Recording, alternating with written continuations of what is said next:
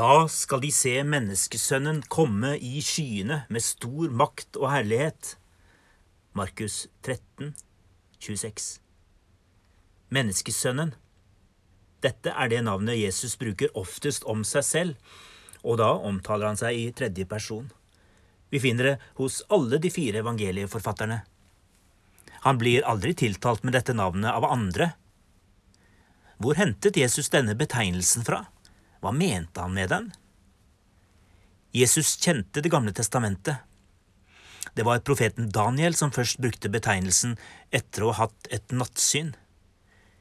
Med himmelens skyer kom en som var lik en menneskesønn. Alle folk og nasjoner og tungemål skal tjene ham, står det i Daniel kapittel 7. Advent betyr komme. Daniels visjon ser lenger enn til den første gang Jesus kom.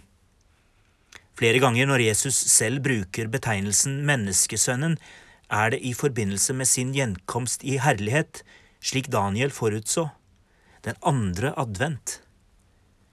Endetiden har ofte blitt forbundet med mye frykt.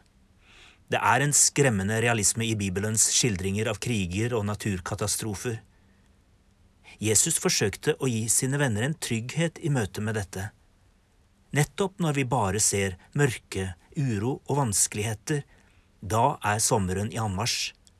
Da er menneskesønnen nær og står for døren.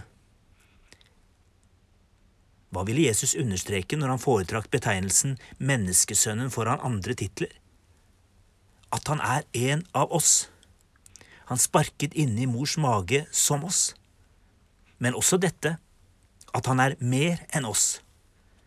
Daniels profeti er kanskje den som tydeligst viser at Messias kommer både nedenfra og ovenfra.